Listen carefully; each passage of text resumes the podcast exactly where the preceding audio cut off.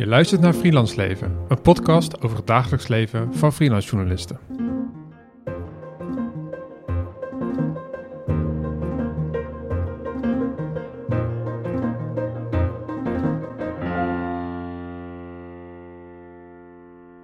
Leuk dat je weer luistert naar Freelance Leven. Erwin en ik, Sanne Poot, zijn uh, weer afgereisd. Uh, deze keer naar Utrecht, naar het huis. Uh, waar we bij Lisanne van Zadelhof aan tafel zitten. Lisanne, fijn dat we er mogen zijn. Kan je even kort aan de luisteraar vertellen wie je bent, wat je doet? Ja, dankjewel dat ik hier mag zijn. Um, ik ben nu zo'n, ja, we hadden net uitgerekend, 12 jaar journalist, geloof ik. 13 jaar. Uh, freelancer. Um, ik uh, schrijf vooral en ik heb heel veel. Doe, ik schrijf heel veel uh, losse verhalen voor de Volkskrant, voor het AD, voor de correspondent en ik werk bij RTL Nieuws. Dus eigenlijk ja, een beetje van alles en nog wat. Je zit eigenlijk overal in, in Hilversum. Dus ja, ja dat leek ons wel echt het voorbeeld als we het gaan hebben over de, het, het paper dat we deze keer mee hebben genomen. Um, Erwin, uh, kan je daar wat meer achtergrond uh, ja, over geven? ik heb een, uh, weer een paper meegenomen. En deze vind ik echt heel mooi. Omdat het echt een heel uniek, uniek paper is. Het heet Love, Cynicism and Wanderlust. The Role of Emotions in the Career Trajectories of Precarious Journalists. Klinkt bijna als een soort van songtekst. Ja, het is een hele, het is een hele, het is een hele mond vol. Die we tijdens deze podcast natuurlijk weer een beetje gaan, hè, gaan, gaan afpellen. van waar gaat het over? Um, en dat is misschien het makkelijkste om het uit te leggen. Is om de hoofdvraag gewoon even voor te lezen. Ik heb hem, ik heb hem, ik heb hem opgeschreven. Dit is How do emotions shape the career trajectories of precarious journalists? En wat hebben de onderzoekers gedaan? Het zijn twee onderzoekers en zij hebben 18 Sloveense journalisten geïnterviewd. En dat zijn allemaal freelance journalisten die allemaal werken onder precaire arbeidsomstandigheden. Daar hebben we het best wel vaak over gehad in de podcast natuurlijk. Maar even voor wie hè, nog niet weet wat dat is. Dat is dat je uh, meestal vrij weinig betaald krijgt. Uh, vrij onzeker bent over je toekomst. Hè? Want je moet als freelancer altijd weer nieuwe klussen uh, ophalen. En ook dat je in veel gevallen weinig macht hebt over de inhoud van je werk. En dat kan dan bijvoorbeeld zijn dat je vrij afhankelijk bent van wat een medium wil. Of uh, wat een redacteur van een medium wil waar je contact mee hebt. En dat er dus een soort ongelijke machtsverhouding is tussen de freelancer aan de ene kant en de redacteur van krant X aan de andere kant. Um, ze zijn speciaal op zoek gegaan naar dat soort journalisten. En wat deze studie vrij uniek maakt, is dat ze deze journalisten over tijd hebben geïnterviewd over de emoties die ze voelden bij hun werk. Dus uh, één keer zijn ze in 2017 bij die 18 journalisten langs gegaan en toen ook een paar jaar later in 2021. En steeds gewoon vragen gesteld van hoe zie jij je werk? Uh, hoe zit jouw werk in elkaar? Hoe voel je als je je werk doet? Uh, wat vind je van de journalistiek? Wat vind je van werken in de journalistiek? En wat ik zo mooi vond aan deze studie was dus eigenlijk twee dingen. Eén, het zit heel erg op emotie. Dus een beetje onderdeel van in journalism studies heb je iets dat heet de emotional turn. Omdat journalistiek ging en onderzoek naar journalistiek ging hiervoor heel erg over de, het rationele. Weet je, hoe ben je zo objectief mogelijk? En emoties mogen er eigenlijk geen plek in hebben.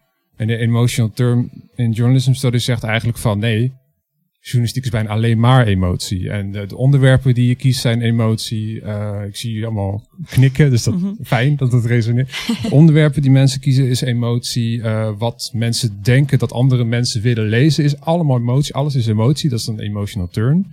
Maar ook werken in de journalistiek is inherent emotioneel omdat je dus met al die machtsverhoudingen te maken hebt. En ook misschien wel wat stress over de toekomst. En misschien ook wel met geldstress. En ook wel met van, hè, hoe, hoe hou ik al die ballen omhoog om een carrière in de journalistiek te krijgen.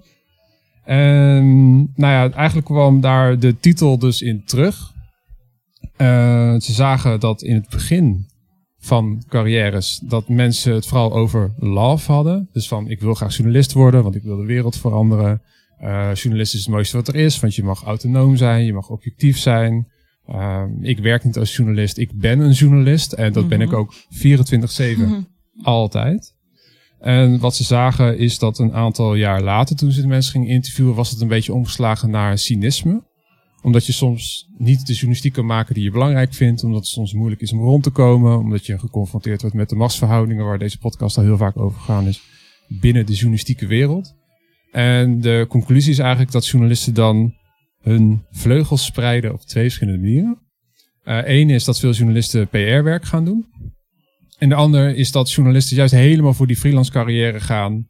En niet meer proberen journalistieke opdrachtgevers te pleasen, maar vooral hun eigen behoeften centraal stellen. Dus hele persoonlijke soort journalistiek gaan maken.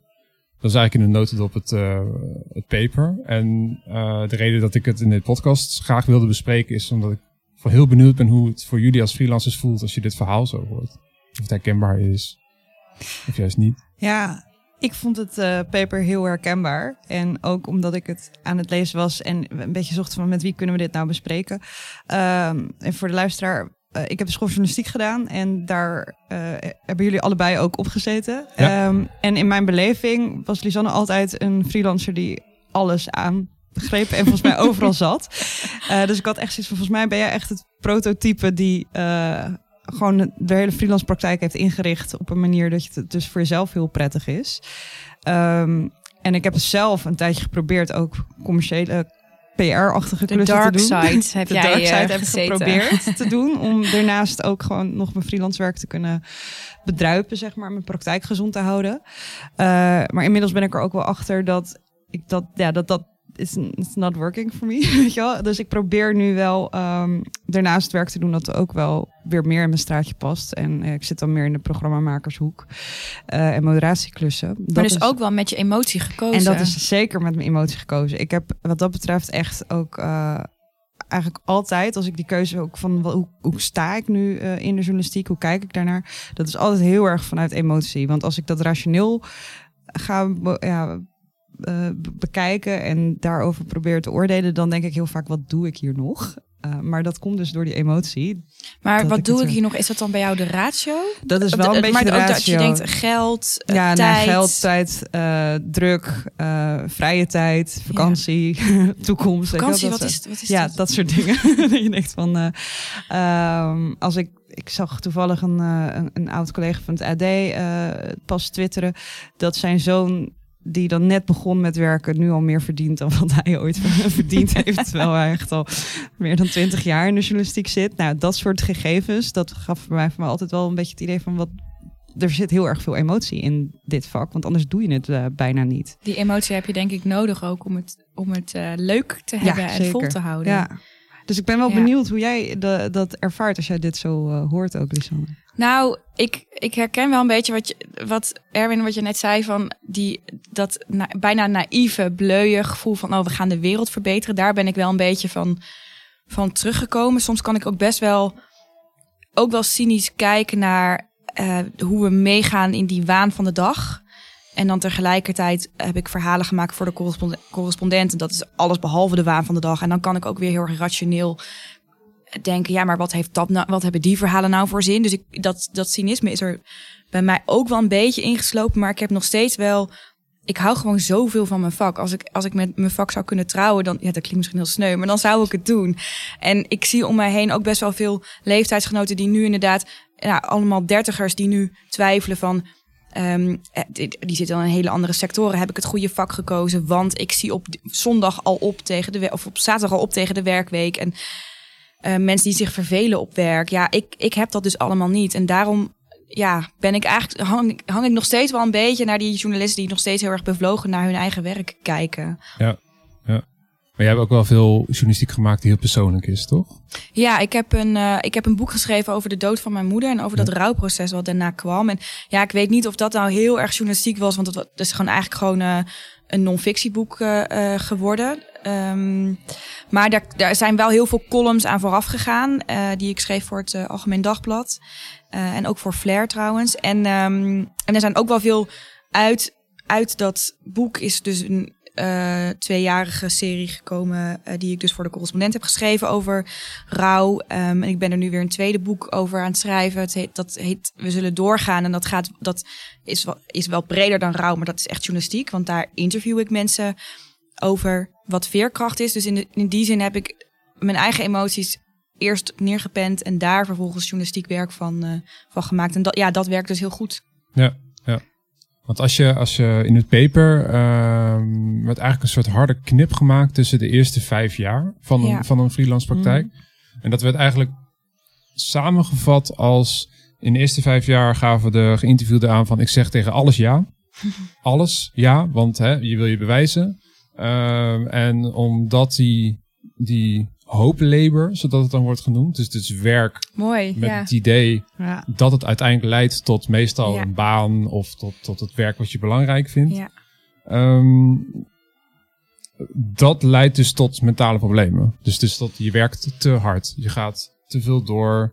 Eh, je verdient heel weinig. ehm, en dat was, was een beetje wat er, wat er dus doorscheen hè, in, Mhm. in het paper. En op een gegeven moment, na vijf jaar, was het dus een soort van knip van: oké, ehm, waar ik op hoop, een vaste aanstelling ergens, dat lukt niet. Dus we moeten het op een andere manier gaan inrichten of zo. Heb Ja. jij ook zo'n moment gehad in je Ja, wel, wel meerdere momenten dat ik echt wel, eh, ik, dat ik er, ja, ik, ik, ik wist eigenlijk al wel van tevoren dat het moeilijk zou zijn om een baan te krijgen. Dus ik ben eigenlijk meteen na de school van journalistiek ook nog Nederlands gaan studeren. En dus tegelijkertijd, ehm, ja, werkte ik mezelf echt drie, 3000 eh, slagen in de ronde om het allemaal eh, rond te krijgen, journalistiek en in de journalistiek als werk, eh, als freelancer ehm, en als, als student nog. Maar ik, ik liep gewoon continu wel tegen de, de grenzen van mijn eigen lijf aan. Mm. En op een gegeven moment, ik, mijn toenmalige vriend en mijn vrienden zeiden op een gegeven moment... ja, we komen je geen kippensoep meer brengen als jij ziek op de bank ligt, want je doet het zelf. En, als, en dan stond ik echt met mijn agenda te zwaaien van... ja, maar ik heb volgende week een hele dag vrij. ja, dat was... Jammer. Het, het- ja, ik, ik- en als ik daar nu aan terugdenk, ik krijg het ook gewoon nu weer... nu ik het erover heb, ja, het is ook heel warm buiten... maar ik krijg het gewoon benauwd als ik daaraan denk hoe ik toen hoeveel uren ik toen maakte. En ik legde dat mezelf alleen maar op. En want, ja, ik had, ik had ook best wel een keer nee kunnen zeggen. Als ik al drie diensten bij de Volkskrant eh, draaide die week, had ik ook best nee kunnen zeggen tegen die vierde. Dus ik ben wel, ja, ik ben daar ook wel een beetje van een koude kermis thuisgekomen. Alleen denk ik dat bij mij niet die knip was die jij omschrijft. Bij mij was het een, iets rigoureuzer, omdat mijn moeder toen op een gegeven moment ziek werd. En toen ging ik gewoon echt inzien, ja, maar wacht eens eventjes. Stel, ik ga hier nu de pijp uit, om wat voor reden dan ook. Niet dat ik dat van plan was, maar weet je, stel er gebeurt iets met mij. Dan gaan mensen echt niet bij mijn begrafenis zeggen, oh, ze, ze werkte zo hard. Nee, dan is het de bedoeling dat mensen zeggen, het was zo'n fijn mens om mee om te gaan. En we hebben zoveel mooie herinneringen gemaakt.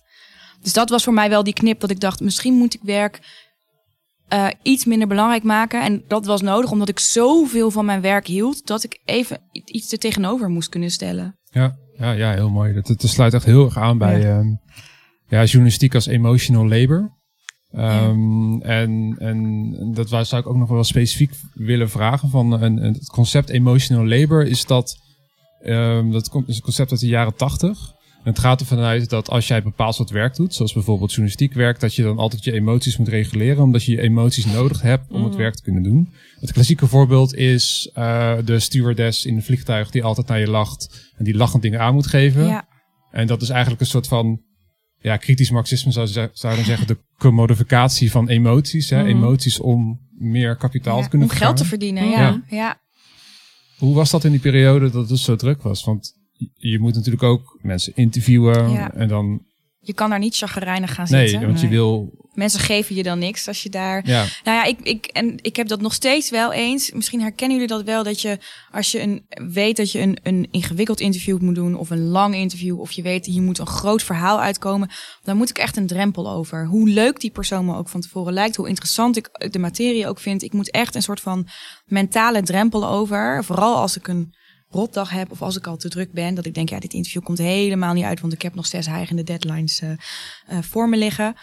Ehm, dan, omdat je het dus zo met die emoties moet doen, moet je jezelf ook ergens toe zetten. En dat, dat, ja, dat kost gewoon heel veel energie. Je kan, je kan niet chagrijnig. Kijk, als je een kantoorbaan hebt, kan dat. Dan kan je Mhm. gewoon, vooral als er geen collega's om je heen zitten, geen andere mensen. Maar ja, dat, dat kunnen wij niet. ja. Nee, want dat werkt ook gewoon niet. Dan moet je dan, weet je, als ik inderdaad zelfs eh, slechte dagen heb. Ik heb ehm, ook een live dat niet altijd meedoet, zeg maar.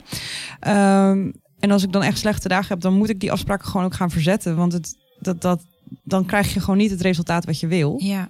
Ehm, Maar dan zit je wel weer met geld. je zit met geld. En ik merk dat ik heel vaak dan toch een soort van mezelf een soort mentale schop onder mijn kont geef. En dat Mhm. dan toch ga doen en daarna echt kapot ben. Ja.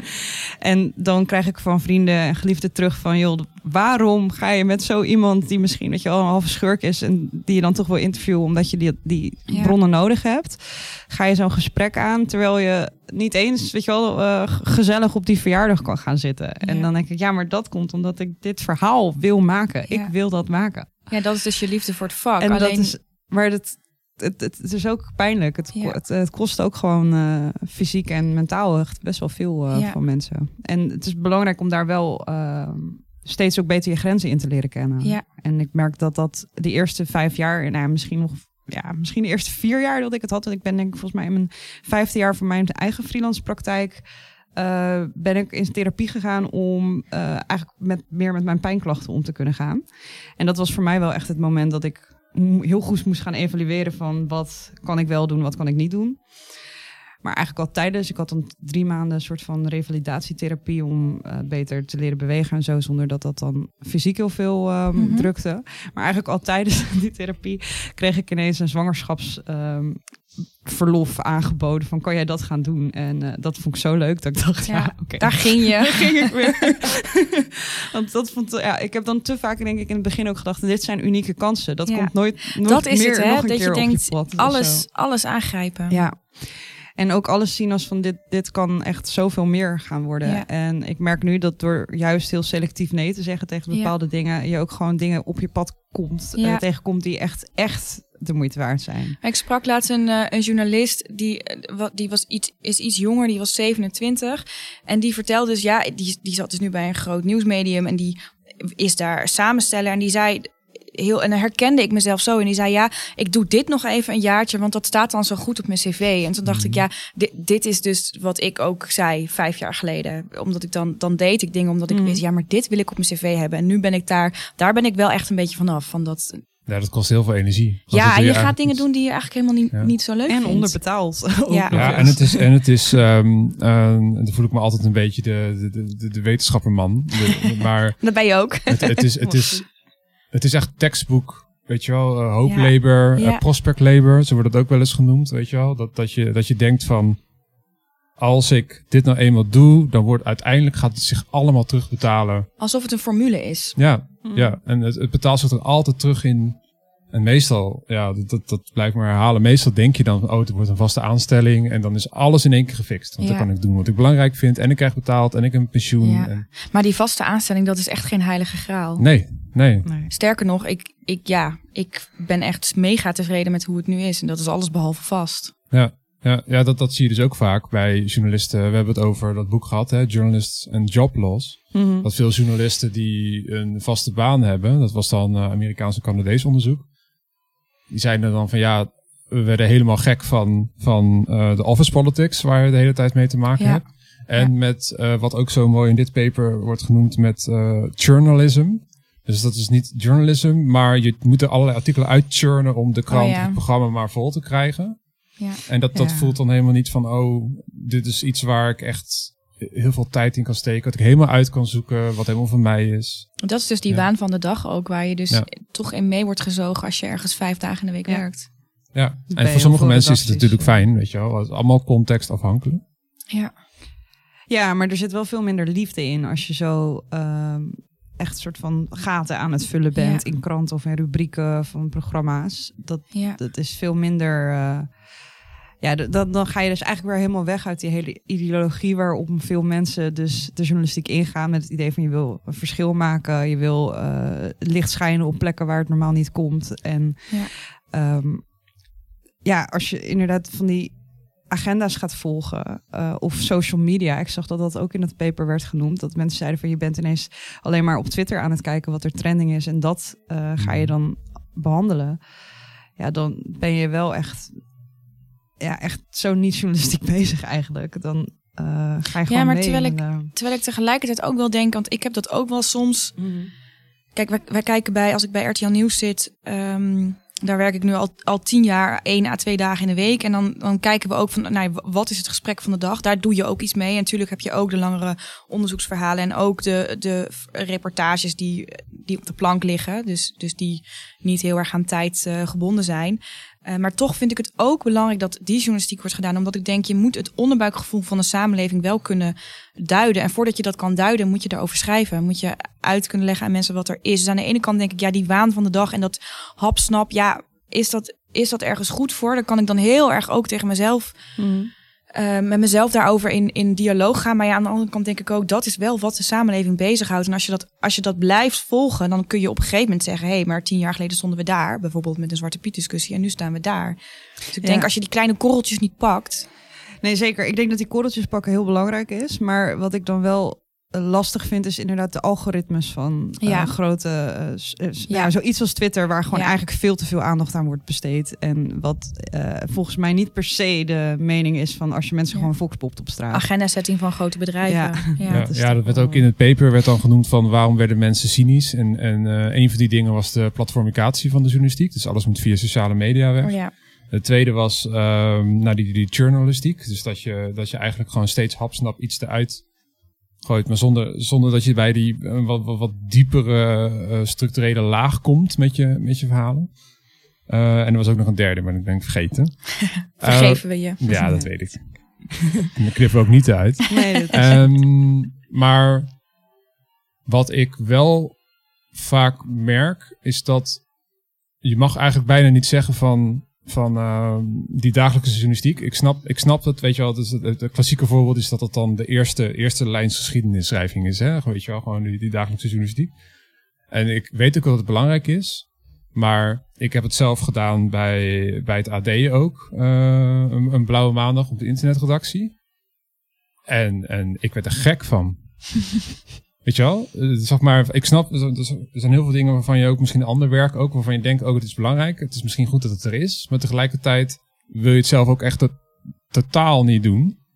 Ja, ik vind En het dus wel lekker. Ja, Als in, ik, ik wil het allebei. Ik wil en die grotere verhalen, ja. die ik bijvoorbeeld voor de correspondent. Maar als ik dat alleen maar moet doen, dat is ook wel veel ploeteren. En Mhm. Eh, een, een, een nieuwsdienst op een redactie is ook ploeteren, maar op een andere manier. En je sluit het wel af aan het eind van de dag. Ja, ik Ja. vind dat als freelancer soms ook wel ja, heerlijk. dat af kunnen sluiten van diensten, dat is echt, eh, Ja. echt super fijn. Ja. Als je Ja. inderdaad eh, dat vergelijkt gewoon met langlopende verhalen, dat is echt toch wel heel anders qua tijdmanagement. En, eh, Ja, en, en wat ik ook heb, als ik te veel grotere verhalen heb in een week en te veel langere interviews, die mensen gaan ook wel een beetje onder, kruipen ook onder je huid. Ja. En, en op een nieuwsredactie heb je toch kortere interviews, je belt veel, je hebt eh, korte lijntjes. Ik, dat, ik, ja, ik, ik ben dus heel erg dat ik dus die balans dus heerlijk vind. Maar ik, de- ik heb wel het gevoel dat ik daar wel een beetje een vreemde eend in de bijt ben. Ja. Ja, het is de combinatie van dingen. Van, Ja. van bijvoorbeeld als jij vijf dagen in de week nieuwsdiensten zou doen. Maar er zijn toch heel veel mensen die, dat, die daar best wel gelukkig van worden, heb ik Ja, het gevoel. Ja, ja dat, is ook, het, is ook weer dat het allemaal heel persoonlijk is wat, Zeker. wat journalistiek voor iemand betekent. Ja. En, en, En hoe nieuwsjunk je bent. Want Ja. ik ben ook weer niet, ik volg het nieuws wel, maar ik zit er niet zo bovenop dat Ja. ik alles wil brengen en alles wil maken en alles wil begrijpen. Ja. Het klinkt heel onjournalistiek wat ik nu zeg, maar ja, die, die Nee, maar die mensen zijn er op redacties Ja. en die hebben gewoon continu Ja. eh, de, de juiste databases. Ik kan Ja. dat zelf, heb ik wel fases dat ik echt alles wil weten van alles, zeg maar. Eh, maar dan zit er zit er vaak ook wel weer emotie bij. Ja. Dus zeg maar als er iets speelt in Rotterdam, waar ik dan vandaan kom en weet je wel eh, veel over weet, daar wil ik ook alles van volgen. Ehm, Maar het is grappig dat je eigenlijk, je consumeert eh, ehm, tegelijkertijd in het, in het vakgebied waar je ook werkt. Dus Mhm. daar, daar is die grens natuurlijk ook heel Ja. erg, eh, ja, bijna onzichtbaar. Klopt. En dat, dat maakt, weet je, dat ook zo'n coronacrisis, weet je wel, dat grijpt ons allemaal aan. In het begin heb ik daar echt superveel over gemonitord. Kijken van wat, wat is daar te zien en wat kan je erover brengen. En hoe maak je daar dan weer een link voor naar een opdrachtgever eventueel. Ja. Ja, dat is ook wel dat, dat aanstaan. Dat is, eh, ik heb wel het idee dat dat echt wel iets heel erg journalistieks is. Maar dat dat ook wel heel erg zijn keerzijde heeft. Omdat dat, dat ook wel weer ervoor zorgt dat je eigenlijk gewoon continu be- bezig bent met werk. En laatst zei iemand ook tegen mij, je zit echt altijd op WhatsApp. En toen dacht ik, ja, dat klopt, maar zit ik dan altijd alleen maar met vrienden te appen? En dan denk ik, ja, dat, ik heb ook heel veel lijntjes uitstaan met opdrachtgevers, met eindredacteuren, met collega's, met wie ik even wil overleggen. Dus het wordt ook wel van je, ja, we verwachten het allemaal van elkaar, dus we houden het allemaal in stand. En ik vind het niet erg eigenlijk. Ja, nou wat WhatsApp betreft heb ik wel ook echt onlangs een soort van duidelijk. Ik heb nu een, ik heb een zakelijke telefoon en ik heb een privé Oh, telefoon. slim. En op mijn zakelijke telefoon heb ik gewoon openingstijden toegevoegd. Dus ik ben. Ik zag eh, het ja toen ik jou een appje stuurde, bedrijfsaccount. Ik vond Ja. het zo professioneel eruit zien. Ja, ik vond het zelf ook wel handig. Ik heb dit van Hans naar Oma Rudy eh, gekopieerd. En ik dacht, dit is super handig. Want als ik dan gewoon een weekend weg ben en ik reageer niet op opdrachtgevers, dan is het gewoon duidelijk. Want maar dat kan ik dus weekend. niet. Ja, dat moet je echt. Tenminste, ik moest dat echt leren, want anders dan kan ik gewoon niet ontspannen. Als En je ik, ziet ook wel eens eh, mensen in hun mail dat er dan onder staat van ik reageer Ja, op mijn ik mail op ook. maandag, woensdag en Oh vrijdagochtend ja. of zo. Hmm. Zodat Ja. mensen weten als ik niet gelijk reageer, want dat verwacht iedereen bijna eh, van Mhm. elkaar. Kan je er van alles van vinden natuurlijk. Dan, dan weet je, oh, want die kijkt alleen maar op die gezette momenten naar de mail. Ja, ik, ik heb daar dus niet zo heel erg last, veel last van. Ja. Ik heb ook als ik, als ik op vakantie ga, dan. Ik schrijf twee columns in de week. Eentje voor RTL Nieuws en eentje voor Flair. En dan soms dus nog voor Villa Media. Dus nou ja. Eh, dus dus ik, ik, en ik kan dat niet vooruitschrijven. Dat, Hmm. dat, ja, Hmm. dat lukt één of twee columns, maar ik kan niet zes columns. Als ik drie weken weg ga, kan ik niet zes columns eh, vooruitschrijven. Dus dan, ja, ik werk altijd dus wel een beetje op vakantie. Maar ik vind dat, ik heb daar echt totaal geen problemen mee. Ja, er zit natuurlijk ook wel, columns zijn ook wel heel persoonlijk Ja. werk en waar je, Ja, je zelf hoeft geen mensen ervoor te, te Nee. interviewen, dat scheelt dat ook. scheelt. Je bent niet afhankelijk van, van anderen. Ja, je doet het al zo lang. Ja. Een soort, soort, soort, soort way of life, toch? Ja. Ja, ja, dan heb je dus weer dat, dat je privéleven en werk heel erg door elkaar lopen. Ja.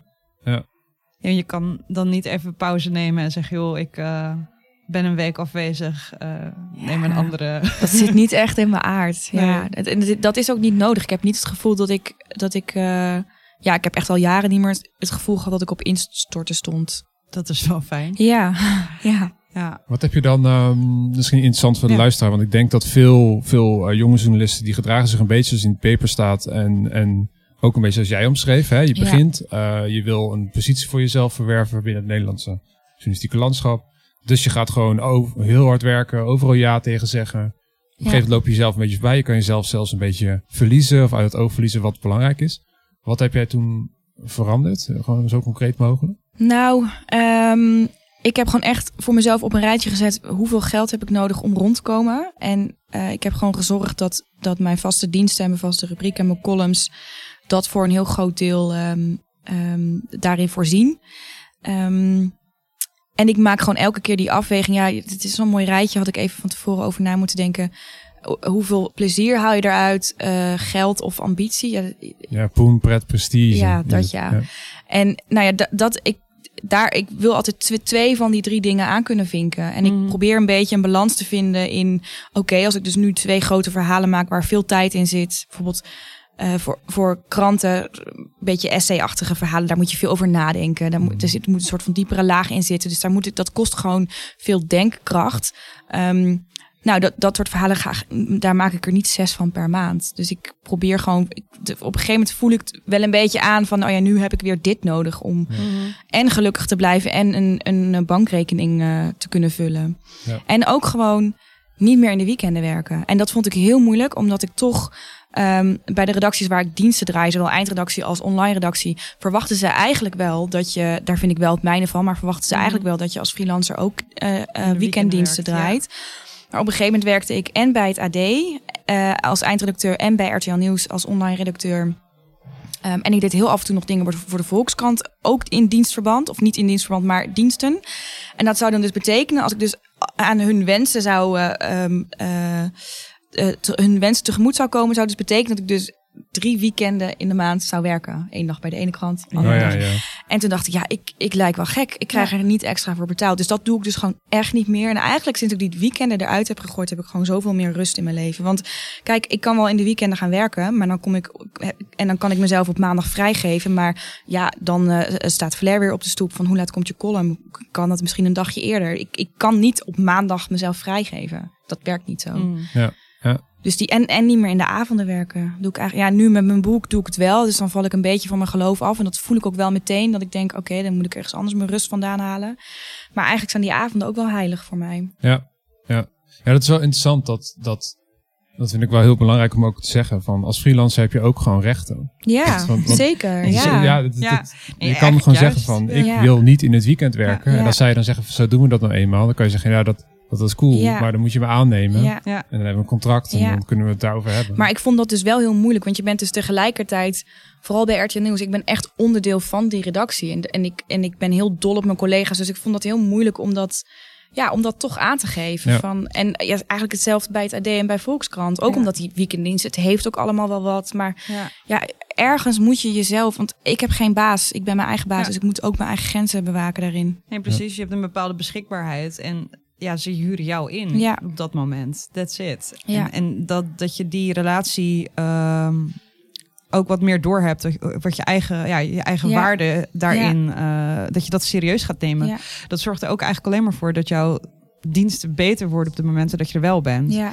ja en, en dat ik heb ook wel gezien ehm, eh, op een krantredactie.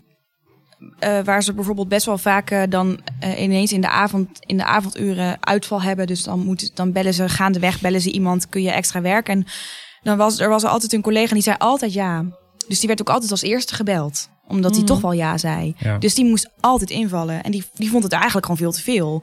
Alleen die durfde geen nee te zeggen. Terwijl ik dacht, als je nou een paar keer nee zegt, dan wordt het een beetje eerlijker verdeeld. Dan vragen ze jou niet altijd als eerste. Dus dan Mhm. ho- hoef je je ook niet de hele tijd verplicht te voelen of schuldig te voelen als je nee zegt. Dus ja, Überhaupt dat schuldgevoel is ook best wel interessant Ja, als je het hebt over emoties. En ehm, dat, dus ik heb wel vaak het idee dat opdrachtgevers dat helemaal niet zo hebben als ze je terugbellen in je vakantie en ehm, in je weekenden laten komen en er ook eigenlijk niet zijn. En dan denk ik, hoe, hoe, hoezo voel ik me schuldig ja. als ik nee zeg? En, Ja, ik denk dat het toch een beetje te verklaren is in de kwetsbare positie waar, Mm. je, waar je toch als freelancer in zit. Want als jij ehm, nee blijft zeggen, dan, dan, dan zou je bang kunnen zijn. Hè? Dat weet ik niet of het zo is. Van oh, misschien vinden ze me wel lastig en dan word ik niet meer ingehuurd.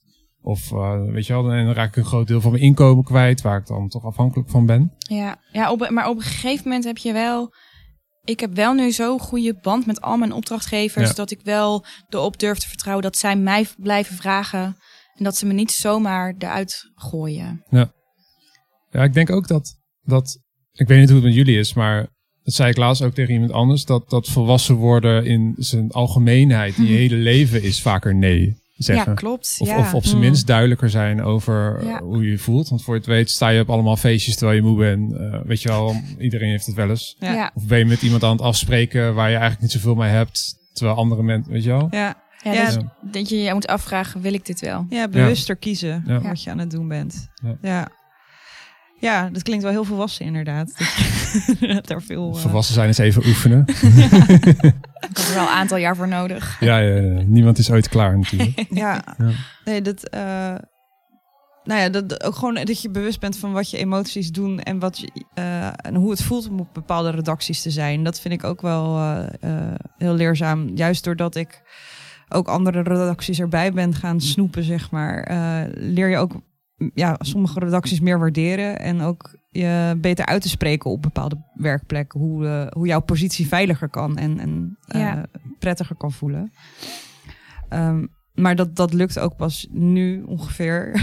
Omdat ik weet van oké, ik kan dit. Ja, En dat is in het begin natuurlijk ook. Tenminste, ik denk dat je dat beginnende. Tenminste, toen ik begon als journalist, had ik daar veel meer twijfels over. Dacht Ja. ik, ja, straks snappen, snappen ze ineens dat ik eigenlijk maar wat doe. ja, dat je door de mand En dan, valt. ja, dat imposter syndroom, daar, had Mhm. ik, daar heb ik nog steeds wel eens last van. Maar dat had ik in het begin echt nog veel meer. Dat je, Ja, maar ik Ja. denk ook, ik, ik heb ook wel echt geleerd dat het niet meer alleen maar gaat om ehm, hoe, hoeveel talent je hebt of wat je kan, maar ook of je een prettig mens bent. Dat klinkt Mhm. misschien heel eh, gezapig, maar ik, ik, ik, denk, ik ben er wel van overtuigd dat als je geen sympathieke collega bent eh, of niet lekker in een, op een redactie, niet- hè, je niet fijn voelt op een redactie of een onprettige sfeer met jezelf meebrengt, dat je dan, ja, dan word je ook niet meer gevraagd. Dus dus ik bedoel, het is niet dat ik eh, de schijn oploop te houden op een redactie van, oh kijk, mij is vrolijk zijn. Ik ben ook wel chagrijnig, maar Mhm. ehm, ja, het, het gaat niet meer alleen maar om wat iemand kan, denk ik. Nee, en sowieso is, is eh, talent, en dat geldt voor de hele creatieve industrie, natuurlijk helemaal geen garantie voor succes. Nee, en je moet ook een gunfactor hebben. Ja, en, Ja, en ook, ja, dat is een van de dingen ehm, die ik dan ook wel vaak teruglees, is eh, dat je beter, beter eh, horizontaal kan netwerken dan verticaal. Oh ja. Weet je wel? Dus je hebt mensen die komen op een redactie en die gaan helemaal tegen de chef aan schurken. Hmm. En, weet je wel zo. Ehm, en dat werkt niet. wat, wat meestal werkt is dat je gewoon met hè, je peers, die ook meegroeit. Ja, Je lotgenoten. Ja, je lotgenoten. Dus dat je een beetje horizontaal, dat je samen een soort netwerk hebt. Want we hadden het net Ja. over ehm, hè, dat een baan als een soort heilige graal wordt gezien. En ik las ook laatst een paper en dat vond ik wel, wel ja, ook wel mooi verwoord. Dat is, als je een baan kwijtraakt, dan ben je in één keer alles kwijt. En dan moet je op zoek naar een nieuwe baan. Wat freelancers hebben is eigenlijk allerlei, hè, allerlei lijntjes en een soort van heel netwerk van peers. Die elkaar allemaal werk toeschrijven. Mm. Ja. En dat, dat, dat was wel een mooie manier om te zeggen van, van dat freelancen, ja, als je dat hè, op die manier aanpakt, is het dan ne- kwetsbaar? Of is een baan hebben misschien zelfs nog wel kwetsbaarder omdat je het kwijt kan raken? Is natuurlijk Ik denk dat je-.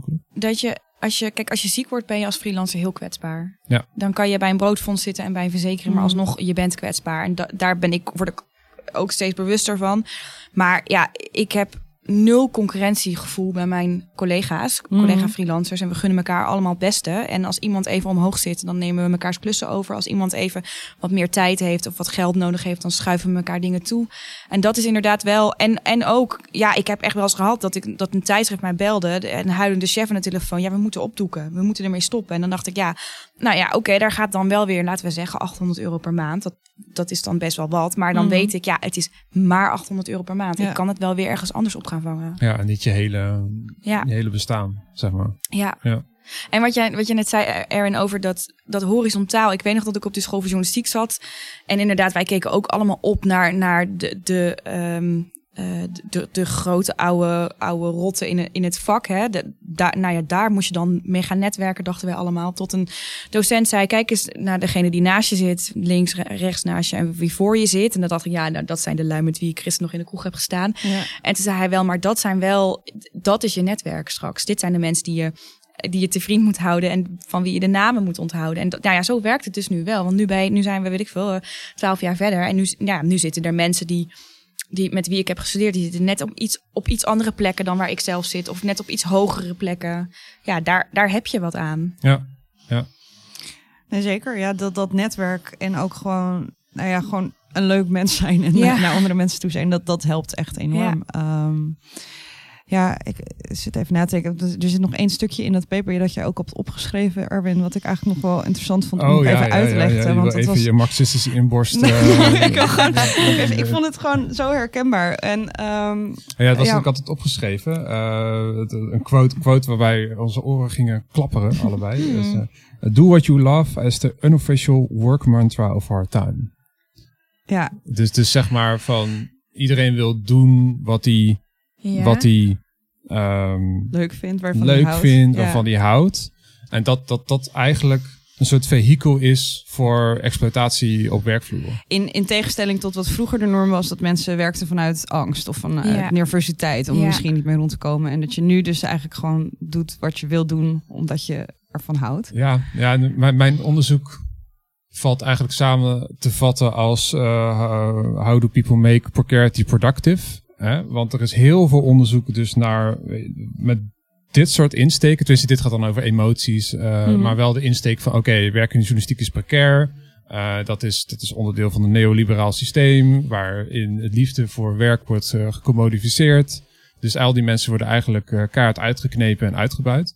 Eh, nou ben ik het ermee eens dat mensen eh, worden uitgebuit met lage tarieven, met onzekere arbeidsomstandigheden en dat daar echt wel iets aan te doen is. Maar tegelijkertijd zie ik ook die, weet je wel, die ook hier op tafel leeft. De, de, de intrinsieke motivaties van mensen om verhalen te maken, om te doen wat ze leuk vinden. Ja. En dus mensen die proberen op een bepaalde manier proberen ze precariteit productief te maken.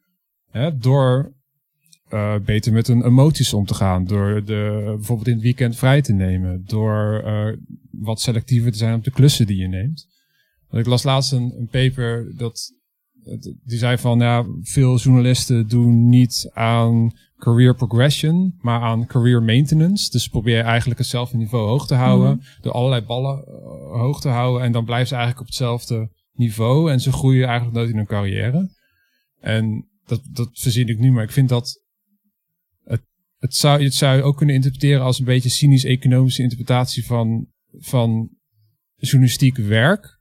Want career progression kan ook zijn dat jij hetzelfde werk nog steeds doet, eigenlijk hetzelfde verdient, maar beter met je emoties om kan gaan, meer rust neemt, Ja. En dat het ook echt een enorme progressie is voor je leven en je Mm, carrière. ja. En dat hoor ik een beetje in jouw verhaal. Ja, dat, ik, ik ervaar dat wel zo. Ik, ik, ik denk, ik- voor mij gaat het er niet om, ik hoef niet hoger, ik hoef geen chef te worden. Ik, zeg ik nu, hè. ik weet niet hoe ik daar over tien jaar over denk. Maar voor nu, ik ben nu super gelukkig met wat ik nu doe. En ik kijk heel erg in de breedte. Is daar nog een, een, een mooi verhaal te maken? Er, zijn nog wat, er is nog wel een aantal media waar ik graag voor zou willen schrijven. Maar ehm, voor mij zit carrière succes er ook in dat ik gewoon gelukkig kan blijven in dat vak. En dat, dat word ik niet als ik alleen maar werk. Ja, ja.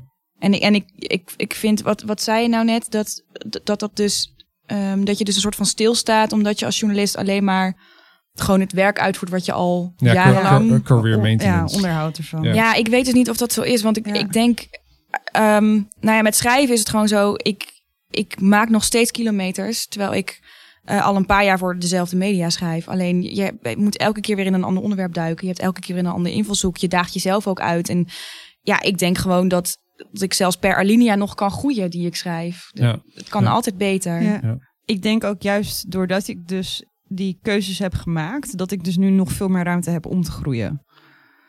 Ehm, En dus veel ik- meer ruimte ook ja. voor nieuwe ideeën in En- je hoofd. ik- ja, dus ik heb juist het idee dat doordat, we, doordat ik een tijdje echt dat onderhoud heb gedaan, eh, ik nu een praktijk heb waarin ik kan groeien en waarbij ik ook ineens weer allemaal toffere klussen eh, op Ja. mijn pad krijg. Dat is wel, eh, door, denk ik ook door er gewoon heel erg bewust mee om te gaan. Ja, ja dat, dat, daarom vind ik het ook zo'n mooi paper. Want het, het roept een beetje de vraag op van wat is progressie?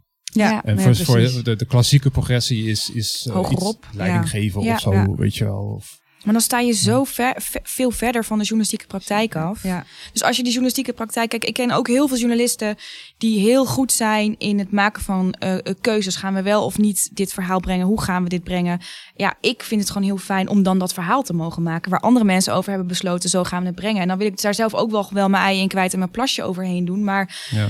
Ehm, sommige mensen zijn daar gewoon beter in. En dat zijn wel de mensen die nu een beetje aan het, ja, van mijn leeftijd aan het groeien zijn. En Mm. op, hogerop. Maar ik denk dat je ook in de breedte kan groeien. Ja. zeker. Ja. Eh, ja, nee, ik zat even te kijken naar mijn buik. Ja, ik zat ook in de breedte kan groeien. Ja, dacht ik, ik, dacht, ja, ik, dat, dacht, ik dacht ook van... dat heb ik misschien ook wel gedaan. Afgelopen ook jaren. Ook we worden allemaal, we worden allemaal ouder. hè? Ja. Ja, Lisan, ik was nog wel benieuwd ook of het voor jou ooit een optie is geweest om werk buiten de journalistiek eh, Mm, aan te pakken. ja, zegt ze met schaamrood op de kaken. ik heb het wel eens gedaan. Ehm, bij, best wel, bij best wel een groot bedrijf. Maar ik, ja, ik merkte dus dat ik da- daar als persoon ook totaal niet tussen paste. Want het was altijd heel erg eh, mensen allemaal eh, netjes aanspreken. En heel erg veel overleg over wanneer we dan gaan overleggen. En, dan gaan we overleggen waar we dan tijdens dat overleg over gingen overleggen. Ja, ik werd daar gewoon echt heel ongelukkig van. En dan dacht ik, nou, dan moet je eens eventjes een keertje redactievergaderingen eh, bij ons meemaken. Ja. Gewoon die efficiëntie van de journalistiek miste ik alleen al. En ook eh, ja, dat je dan voor de klant dingen moest doen. Ja, dat ging er dus bij mij niet in. Dus ik werd daar ook wel echt op een gegeven moment wel weggepostuurd. Omdat ik gewoon, ja, dat was gewoon echt geen, eh, Ja, echt geen match, nee, Nee. echt niet. Nee. Ja. Nee, wat dat betreft blijft. Maar we hebben een tijdje terug een aflevering gemaakt eh, met eh, Sammy ehm, Peters. Peters. En dat was heel eh, fijn, omdat zij nu bij de rekenkamer werkt. En ik Oh, dacht, van, ja. oh, er zijn dus ook nog andere beroepen waar je met je journalistieke skills eh, terecht in kan. Maar ik weet niet, ik heb het, als ik jou zo zie, volgens mij blijf je echt gewoon nog zoveel meters maken. zo. Ja, ik word ook zo kriegel van het woord bedrijfsjournalist. Ik denk, dat klopt niet. Die term klopt niet. Nee, oh, maar Het is ambigu. Nee, dat, is, dat is journalistieke vaardigheden gebruiken voor commerciële Ja. ja, Ja. En, dan- en, dan, en dan gaan mensen weer klapperen en zeggen dat journalistiek altijd commercieel is en dat mensen geld verdienen aan journalistiek. Maar Ja, ik, ik, ik zou dat zelf geen journalistiek Nee. eh, kunnen noemen. Nee, Nee. nee. dat, en en je, ik, we hebben natuurlijk in, coro- in de coronapandemie ook heel vaak gehoord dat journalisten inderdaad hè, de persgroep dienen en zo. En dan denk ik, ja, in ieder geval, ik, ik, ik durf wel de handen voor, voor mijn vak in, in het vuur te steken. Maar ook dat ik denk, daarom is het ook heel goed dat er freelance journalisten zijn. Mhm. Want die, die, die lopen niet voor één krant. Nee. Die lopen voor verschillende media. Dus die, ik denk dat freelancers ook gewoon wel nodig zijn in die zin. Om het juist wat transparanter en open te houden. Ja. Ja, nee, ik denk het ook wel. Ja, het is en-en. Het Ja. is- Het is gewoon een flexibilisering van werk. En freelancers, er zijn veel freelancers, omdat dat op termijn, eh, ja, dat het is niet per se goedkoper hè, voor, uh, voor mediabedrijven. Mediabedrijven worden er eerder wendbaarder door. Mm. Ja, want, flexibele schil. Ja, want, want het, is, oh, het gaat slecht, dus ze kunnen gewoon uh, met, met minder freelancers ja. uh, doen. Dus ja, aan de ene kant er zit gewoon duidelijk iets exploitatiefs in. Maar mijn, mijn, mijn shtick is, is ook wel best wel vaak van oké, okay, als je bewust bent van die situatie, zoals jullie eigenlijk allebei mm. natuurlijk gewoon doen, dan kan je er wel heel mooi in laveren en, en gebruik maken van die flexibiliteit. Ja. Om je leven op zo'n ja. manier in te richten wat voor jou werkt. Ja, ja en ik denk dat, dat redacties zijn gebaat met mensen die daar vijf dagen in de week zitten. En met mensen die daar één dag in de week eventjes doorheen vliegen en weer weggaan. Ik denk dat als je, als je die, die uh, balans een beetje hebt als redactie, dan denk ik dat je gewoon een goede, ja, een, een goed team bij elkaar hebt. Denk ik ook, ja. Durf jij uh, ook vijf jaar vooruit te kijken? ja, vast wel. waar, waar hoop je dan te zijn? Uh, dan hoop ik wel dat mijn boek eindelijk af is. nee, ja, waar hoop ik dan te zijn? Ja, ik, ik, ik um, hoop dan nog een boek te hebben geschreven. Misschien wel een roman, als ik heel erg wild mag dromen. Dat is natuurlijk helemaal niet journalistiek. Altijd. Maar uh, ja, en ik, en ik hoop dat ik wat meer, wat grotere verhalen nog voor andere media. Ik, ik zit nu wel de laatste twee jaar best wel veel uh, bij bepaalde kranten. Voor NRC heb ik nu veel gedaan. En ik, ik wil wel gewoon weer wat, wat andere tijdschriften. Gewoon, uh, ja, dat is ook gewoon een kwestie van een mailtje ja, sturen. Hoeft niet. Maar wel echt uh, schrijven, hè? Ja, Met, wel echt schrijven. Ja. ja. Ja, ik heb een, een poging gedaan om een podcast te maken, zoals wat, wat jullie nu doen. Uh, maar dan wel met veel monteren en zo. Dat was heel leuk. Maar toen dacht ik echt, oh, dit schrijven is gewoon zoveel sneller. Ja, het is wel wat bewerkelijker. Ja, zeker. Ja. En jij over vijf jaar? Oeh, ja, ik hoop dat, we, dat ik dan inderdaad nog wel iets mag doen met mensen bij elkaar brengen. Dat zou, vind ik heel erg leuk naast de journalistiek. En qua journalistieke verhalen hoop ik gewoon nog wat meer in de cijfers rondom uh, de creatieve industrie en de, de gemeente en dergelijke te duiken. Um, ja, dus ik zou nog wel wat meer onderzoeksverhalen willen maken daarin. Maar ik hoop ook echt wel dat ik qua programma programmamakerswerk echt nog meer mensen met verschillende meningen bij elkaar kan zetten en elkaar te laten ontmoeten. Misschien daar ook eens over gaan schrijven. Ja, Mooi. Dat ja. is uh, voor de komende vijf jaar. Ja. En jij? Ja, ik hoop dat dat promotieonderzoek eindelijk een keer uh, af is dan. Maar dat, dat, dat, dat moet wel lukken. En ik zou denk ik ik zou denk ik wel aan de wetenschap willen blijven werken. Want ik ben gewoon zo gefascineerd door hoe, hoe maken mensen dingen die ze echt belangrijk vinden en hoe navigeren ze zich tegelijkertijd door het leven heen. En dat is wat, wat, wat journalisten dus eigenlijk vaak doen. En ik vind dat zo interessant, omdat het, voelt zo echt of zo.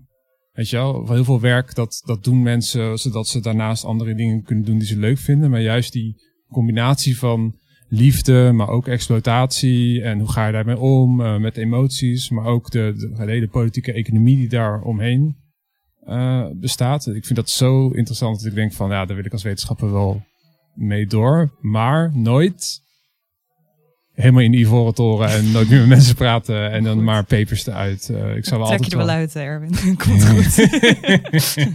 dus ik hoop dat uh, zo'n podcast of zo, weet je wel, ja. dat dat gewoon blijft. Tof. Hey, Lisanne, even voor de luisteraar. Iemand die, uh, mensen die je boek willen pre-orderen, is dat dan mogelijk? Uh, ja, ik, ik zag dus gisteren tot mijn grote stress dat hij al uh, op de site bij Bruna stond. En op de site van mijn uitgever Das Mag. Dus daar kunnen mensen hem uh, Nog één keer de titel? We zullen doorgaan. We zullen doorgaan. Links in de show notes. Enorm bedankt dat we langs mochten komen. Dank jullie wel. Ja, heel bedankt. Freelance Leven wordt mede mogelijk gemaakt door het Lira-fonds Reprorecht. Mijn promotieonderzoek, dat ten grondslag ligt aan deze podcast, wordt mogelijk gemaakt door Stichting Democratie en Media en het Stimuleringsfonds voor de Journalistiek. Wij zijn er volgende maand weer met een nieuwe aflevering. Tot dan!